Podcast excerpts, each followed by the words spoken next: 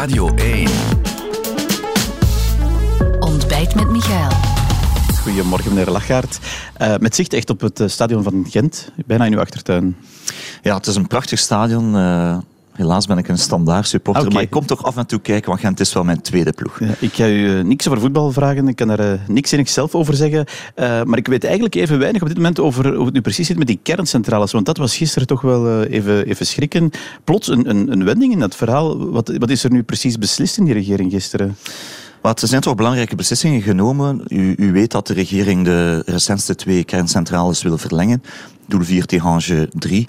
Met Engie is daar een principeakkoord over, wordt verder uitgerold. Maar dat is niet voldoende. Uh, in de winter van 2025-26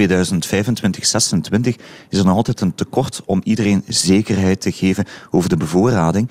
En daar heeft de regering nu beslist om een dossier te starten om ook Tihange 1 en een van de twee oudste kernreactoren in Doel ook te verlengen Dus het voor gaat over minstens twee kerncentrales, zegt u. Het gaat over twee reactoren, inderdaad. Doel 1 of Doel 2, één van die twee.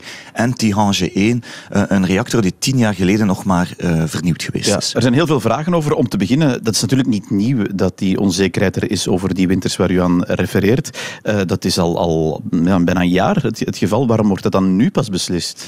Elia heeft daar in het verleden allerlei berekeningen over gemaakt wat we nodig hadden. En u, en u weet dat voor de Oekraïne-crisis en voor die gasprijzen door het dak geschoten zijn in Europa, we eigenlijk naar een, uh, ja, toch een stuk ook uh, nieuwe gascentrales in ons land zouden gaan. Als we dan gezien hebben wat er gebeurd is, is dit niet de verstandigste zet en moet je uw afhankelijkheid van gas zoveel mogelijk afbouwen. En dus dat is wat de regering doet door die kerncentrales ja, het is wel te terugkomen op, op eigenlijk een beleid dat wel ook door uw uh, premier is uitgestippeld geweest. Maar u weet dat in het regeerakkoord daar een compromis moet gesloten worden zijn met de groene partijen die aandrongen op die kernuitstap. Maar we hadden wel een passage voorzien in het regeerakkoord dat als er een onvoorzien probleem was, we dat toch gingen bijschakelen. En die Oekraïne-crisis heeft ons die gelegenheid gegeven ja, om dat alsnog Maar die is wel een jaar geleden begonnen. Het is nu gisteren, een jaar nadien, dat u plots het, het geweer van schouder verandert. Maar op zich weten we dat we nog extra capaciteit moesten voorzien. Er ging ook nog een veiling komen van extra capaciteit uh, tussen nu en 2025. Maar als je voelt dat je geen zekerheid hebt en je hebt die mogelijkheid om met die oudste reactoren nog iets te doen. We doen nu eigenlijk wat Duitsland ook uh, gedaan heeft zes maanden geleden. Dat is eigenlijk die reactoren zeggen, kijk, wij gaan de brandstof waarop zij draaien, sparen in de zomer, wanneer we meer hernieuwbare energie hebben, zodat we die brandstof kunnen gebruiken voor twee extra winters. En dat geeft ons de gelegenheid om bijvoorbeeld over Tihange 1, die technisch eigenlijk nog een goede reactor is, zelfs te spreken over een verdere verlenging dan die twee winters. Ja, maar dat is nu al niet wat u jaar. zegt, want dat heb ik gisteren niet horen zeggen. Dus u zegt, uh, die uh, reactoren die moeten misschien langer open blijven. Wel, de techniek die men gebruikt om nu twee winters extra die oudere reactoren te gebruiken, is goed. We winnen daar tijd mee. Maar het geeft ons eigenlijk nog de opportuniteit om bijvoorbeeld over Tihange 1 een discussie te hebben, om die eventueel ook langer te verlengen, wat voor mij zou kunnen. Wat is dan de wet op de kernuitstap nog waard? Maar het is heel duidelijk, die wet op de kernuitstap die moet aangepast worden. Die, afgeschaft? Die, die, die moet helemaal vervangen maar worden. afgeschaft worden? Nee, ja, we hebben natuurlijk een traject. De oudere kerncentrales kunnen niet eeuwig meegaan. Dat zal zo blijven. Maar het pad waarmee dat je dat doet, is totaal onrealistisch zoals het daar in die wet staat. Dus er moet een nieuwe wet komen met nieuwe deadlines. 2035 voor die doel 4, doel uh, Tihange 3. En ook over die oudere reactoren zullen we moeten aanpassen. Dus heel die wet moet aangepast worden. Dus die gaat op de schop eigenlijk wat er nu ligt? Zal helemaal moeten vervangen worden. Wat gaat u tegen Groen zeggen?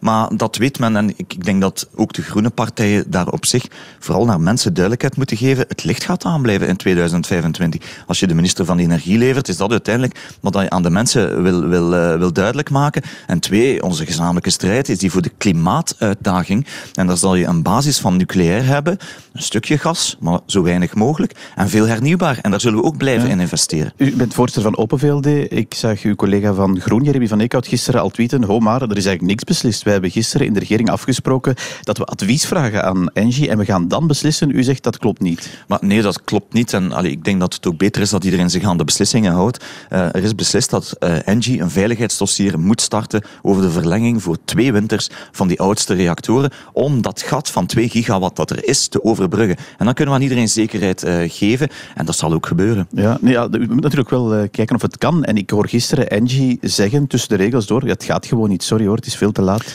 Nee, Engie uh, is daar toch wel in een andere modus dan, dan voorheen. Sinds we een ik heb gisteren nog iets anders gehoord dan ook. Ja, maar ik, er is altijd een verschil tussen Engie die iets publiek vertelt en wat achteraf dan aan tafel gebeurt. Uh, zij hadden op zich niet gerekend op nog veel nucleaire activiteiten in België, maar laat ons eerlijk zijn, het is niet dat die centrales voor hen niet uh, winstgevend zijn. Die zijn winstgevend. Dus op zich uh, denk ik dat zij er ook alle belang hebben om samen een oplossing te zoeken. Doel 1 en doel 2 hoor ik wel zijn technisch iets moeilijker dan Tihange 1. Laat ons zien wat daaruit komt. Maar ik denk dat we daar toch een, een goede opportuniteit hebben om te zorgen dat we zekerheid hebben voor iedereen. Ja, maar ik hoor je ook wel heel duidelijk zeggen, meneer Lachaert, die beslissing die is afgeklopt gisteren. We starten dat dossier. We starten dat dossier natuurlijk. Als er een veiligheidsrisico is, ja, dan gaan we natuurlijk niet met de nucleaire veiligheid spelen maar wat specialisten mij daarover vertellen, is minstens voor Tihange 1 dat dit eigenlijk wel technisch haalbaar is. Want wat ik Engie gisteren ook hoorde zeggen, eh, of, of in elk geval hoorde suggereren, is van, ja, zeker na Fukushima zijn er eh, strengere veiligheidsvoorwaarden gekomen. Ons land heeft daar nog een schep bovenop gedaan. En die kerncentrales waar u aan refereert, die voldoen daar gewoon niet meer aan. Dus er zal toch iets moeten gebeuren, ook qua wettelijk kader? Dat is niet direct het wettelijk kader, want dat, dat zou gevaarlijk zijn als politici over nucleaire veiligheid gaan oordelen. Ik denk dat Engie uh, en nucleaire exploitanten vaak zeggen, in België zijn de regels strenger dan pakweg in Frankrijk, Nederland of elders. En dat is wat zij soms op alluderen, van ja, wees dan wel een beetje redelijk aan wat je aan ons vraagt. Maar goed, daar ga ik nu wel zeggen, en dat zullen de groene collega's ook beamen, met de veiligheid gaan we nu niet spelen. Uh, dat, dat is essentieeler dan, dan, uh, dan de oplossing vinden. Maar ik denk dat dit technisch haalbaar is. Oké, ik hoor u nu wel iets verdedigen, meneer Lachaert, uh, wat eigenlijk totaal het omgekeerde is van wat in dit regeerakkoord staat. Uh, ja, hoe moet, hoe moet je zoiets noemen? Uh, ja, bon, ik, ik ben loyaal aan akkoorden die, die ik sluit. Uh, alleen dat akkoord is gesloten in een tijdperk ja, waar iedereen nog in een modus zat van bon, die kernuitstap zal zo snel mogelijk gerealiseerd worden. Zelfs toen ik met Bart de Wever aan het spreken was en, en Paul Magnet om, om zonder de groenen te besturen, spraken we eigenlijk maar over twee reactoren we gaan nu eigenlijk wellicht veel meer doen. Dus ja, de, de wereld is veranderd. Een jaar geleden, toen, toen bleek dat Rusland een totaal onbetrouwbare actor is over gas. Op gas kan je niet rekenen in Europa. En dus uh, de verlenging van kerncentrales tot 2035, dat, dat ligt gewoon op de tafel, open en bloot? Dat ligt sowieso al op tafel voor de laatste twee. En ja, ik, ik denk nu, spreek over de winters 25, 26. Maar die Tihange 1, als je, als je daarover praat, is het perfect mogelijk om dat misschien langer te doen. En als we dat zouden doen, zouden we misschien voor de toekomst nog meer stabiliteit hebben.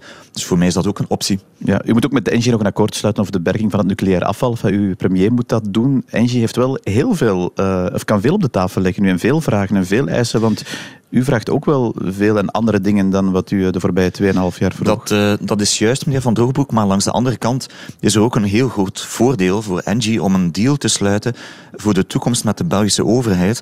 Omdat op dit moment die berging van het nucleair afval en de, de stockage daarvan, dat is iets in de eeuwigheid bijna.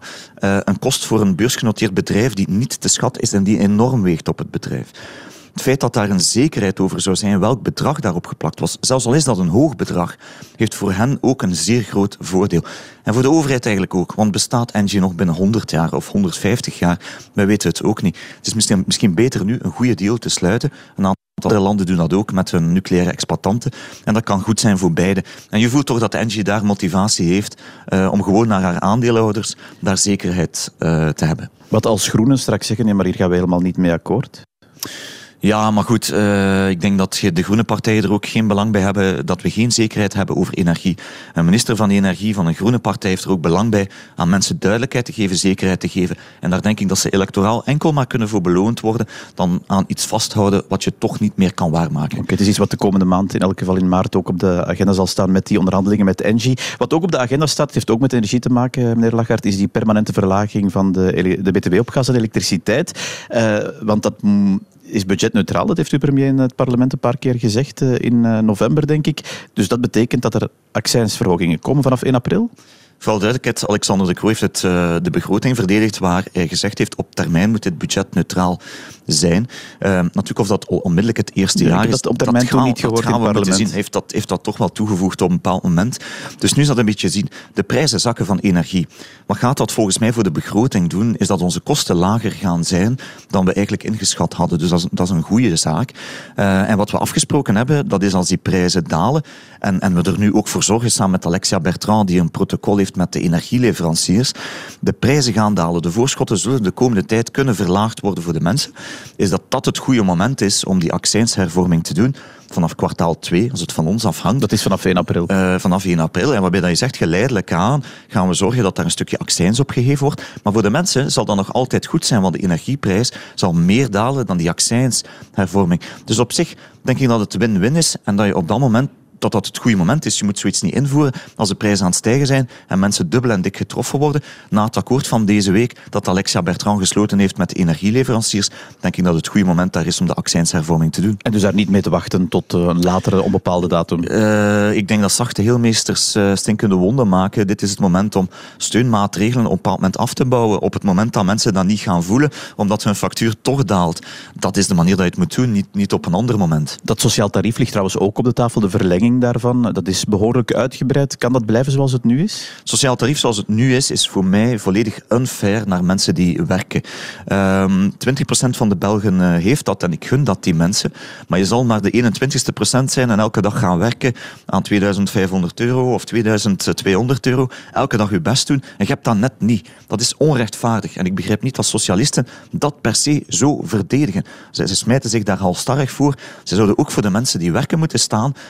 Die maar wat wilt u dan aanpassen aan het sociaal... U gaat toch niet zeggen dat moet afgeschaft worden? Ofwel moet het systeem op dat moment aflopen voor, voor die groep die daartussen werkenden en uitkering zitten. Ofwel moeten we het echt hervormen, waar je toch zorgt dat het geleidelijker is. Het is nu heel binair. Je hebt het of je hebt het niet. Maar om duur heb je er meer belang bij om gewoon thuis te dat blijven. Dat het progressief is? Is dat wat u pleit? Een progressief systeem, als het dan blijft. Maar goed, in principe is het eigenlijk ook het moment om daarover na te denken, ergens dit te beëindigen. Maar we moeten wel bekijken, voor, voor de mensen die daarin zitten, heeft het een zeer grote impact op hun factuur. Ik heb er een begrip voor dat daar overgangsperiodes worden gezocht.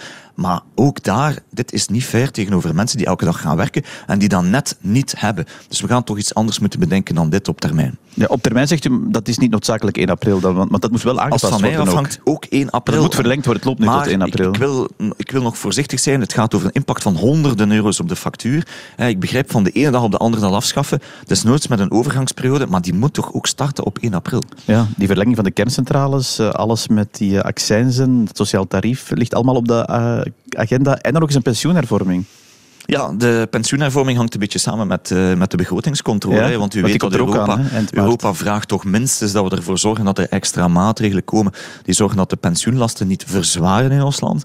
En uh, dat is natuurlijk geen gemakkelijke discussie. Ik ga er niet flauw over doen. Als het van ons zou afhangen, zouden wij daar nog veel voluntaristischer in willen zijn. Vooral mensen die werken het, belonen. Het moet ook voor die relance gelden trouwens. Het is uh, niet van willen. Dat is perfect juist wat u zegt. Ja. Dus die relance gelden. We gaan toch geen 850 miljoen laten liggen in ons land, omdat we dat niet zouden doen.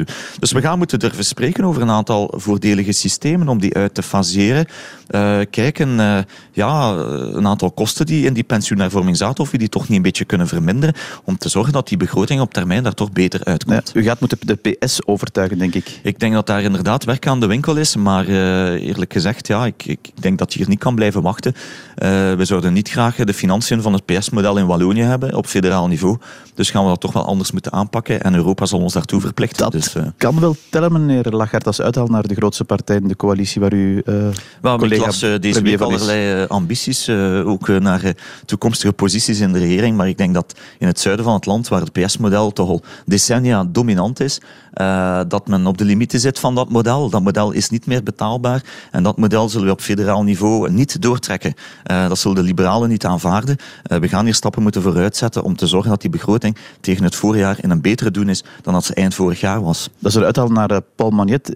ik begrijp dat het u stoort dat hij zich kandidaat premier heeft gesteld ook. Hè? Goh, iedereen mag zich kandidaat ja, maar premier zetten. liever voor, Vanuit een, een, een, de PS snap ik dat, dat je dat zou doen. Maar ik wil wel iedereen erop patent maken dat het 2023 is, niet 2024. De verkiezingen zijn volgend jaar. Dit jaar moet er nog gewerkt worden. Er is niemand op straat die, die, die nu van ons verwacht dat iedereen bezig is met zijn eigen positie. Er moet hard gewerkt worden. Mensen hebben problemen. Mensen die werken moeten meer overhouden. Daar moet aan gewerkt worden. En kandidaat premier ambities, dat is voor volgend jaar. Ja, maar hij heeft het wel gedaan, openlijk. Heel duidelijk, ook heel expliciet. Wat zegt dat over die sfeer binnen die federale coalitie? Maar u moet er ook rekening mee houden dat Paul Magnet voor herverkiezing uh, moet gaan in zijn eigen partij.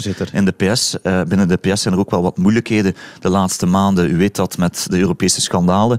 Uh, dus ik begrijp dat hij zich moet zetten. Maar wij gaan wel verder werken en ons niet laten afleiden door dat soort aspiraties. Nee, want is Alexander de Croo eigenlijk uw kandidaat, kandidaat-premier? heeft dat zelf al gezegd, hij doet het heel graag. Ik kan ook niemand... nu ook al een kandidaat-premier dan bij deze? Uh, Alexander de Croo is kandidaat-premier om zichzelf op te volgen. Dat, dat is wat Magnet ook wil maar heeft dat vorige zomer al gezegd en we gaan dat nu niet laten wegen de komende tijd. Als je premier bent, Alexander doet een schitterende job om in moeilijke omstandigheden het land te leiden met coalitiepartners die soms totaal andere ideeën hebben, maar we raken wel altijd vooruit en ik kan niemand meer geschikt eh, bedenken voor de job dan hem. Maar goed, het is logisch dat een uitredende premier probeert te verlengen. Maar er ligt in maart heel veel, we hebben het er eh, twintig minuten over gehad, op de tafel. Eh, als het allemaal niet lukt, wat dan? Rijdt Vivaldi dan die rit wel uit? Of stopt het gewoon het verhaal? Kijk, wij gaan tot het uiterste en Alexander de Croo zal tot het uiterste gaan om hier een deal te maken om te zorgen dat uh, onze begroting beter op orde staat, dat we robuuster en zekerder voor de toekomst staan met ons land, dat dit land niet kapot is, maar dit land vooruit kan. En, uh, en, en, we zullen daar tot het einde voor gaan. Ja, als, anderen dat niet willen, als, het niet als anderen dat niet willen, goed, dan zullen we daar ook onze conclusies uit trekken. wat is die conclusie dan? Maar dan wil men niet meer vooruit. Oké, okay, dan, dan is dat dus zo. Dus het is niet per definitie zo dat Vivaldi die rit uitrijdt, hoor ik u zeggen, als, als het uh, Volgens mij zou het hoogst onverstandig zijn dat we de rit niet uitdoen. Ik ga maar herinneren wat er gebeurd is bij de vorige regering. Michel, waar N-VA de stekker uitgetrokken heeft. We hebben allemaal verloren en de antipolitiek heeft gewonnen. Zowel in het noorden van het land als het zuiden van het land. Ik zou echt de collega's oproepen dat niet opnieuw te doen, want dan zal er na de verkiezingen niets meer mogelijk zijn. Uh, wij gaan ervoor zorgen dat we besturen en dat we wel ergens landen. U zit ook in de Vlaamse regering. Trouwens, daar hebben we het nu nog niet over gehad. Nog uh, heel kort, want ook daar uh, ligt een belangrijke knopen, of moeilijke knopen op de tafel. Dat stikstofdossier dat nu maandag hervat wordt. Wat verwacht uw partij daar? Want uw partij horen we daar eigenlijk iets minder over. Wel, ik denk dat Gwendoline Rutte wel toch een, goede spreekbuis is in het dossier. Wij gaan uh, voor aanpassingen aan dat akkoord, want er zaten echt zaken die niet goed zitten in het, in het akkoord. Geen rechtszekerheid voor landbouwers die geïnvesteerd hebben in nieuwe infrastructuur. Geen rechtszekerheid voor jonge landbouwers die, die eigenlijk voor de toekomst van onze landbouw kunnen staan in gebieden waar heel harde regels waren. Maar ik heb, uh, ik, ik heb vertrouwen dat dat kan aangepast worden. De lijst van rode bedrijven zijn een aantal zaken die echt niet klopten. Dit moet bijgestuurd maar worden. Maar er gaan wel rode maar, bedrijven blijven. Tuurlijk, dat, die zullen er zijn. Maar ik denk dat die lijst echt fors moet aangepast worden. Verminderd ook? Gaat, is het daarover? Ik, ik denk, sommigen die erop stonden, moeten er echt af. Die, die mensen hebben jaren geleden nog maar net een, een signaal gekregen van de overheid dat ze konden investeren. Dan kan je niet nu gaan zeggen, stop ermee. Dat is, dat is geen rechtszekerheid. Dat kunnen wij als liberaal niet aanvaarden. Een landbouwer is ook een ondernemer en die moet ook zekerheid van de overheid krijgen. Maar, wat ik wel wil onderstrepen, voor ons is een stikstofakkoord op korte termijn fundamenteel. Want wat wij niet willen, is dat allerlei vergunningen in het gedrang komen. We hebben deze week de discussie over de luchthaven gehad, maar het kan even okay. morgen over iets anders gaan. Uh, wij willen wel dat er een zeker akkoord komt, maar dat landbouwers toch ook rechtszekerheid krijgen. Ook dat gaan we in het oog houden. En natuurlijk alle dossiers over die federale regering waar we het over hebben. Maar eerst weekend en ik wens u een fijn weekend en dank u voor de komst van morgen, meneer Lachart. Dank je wel. Graag gedaan.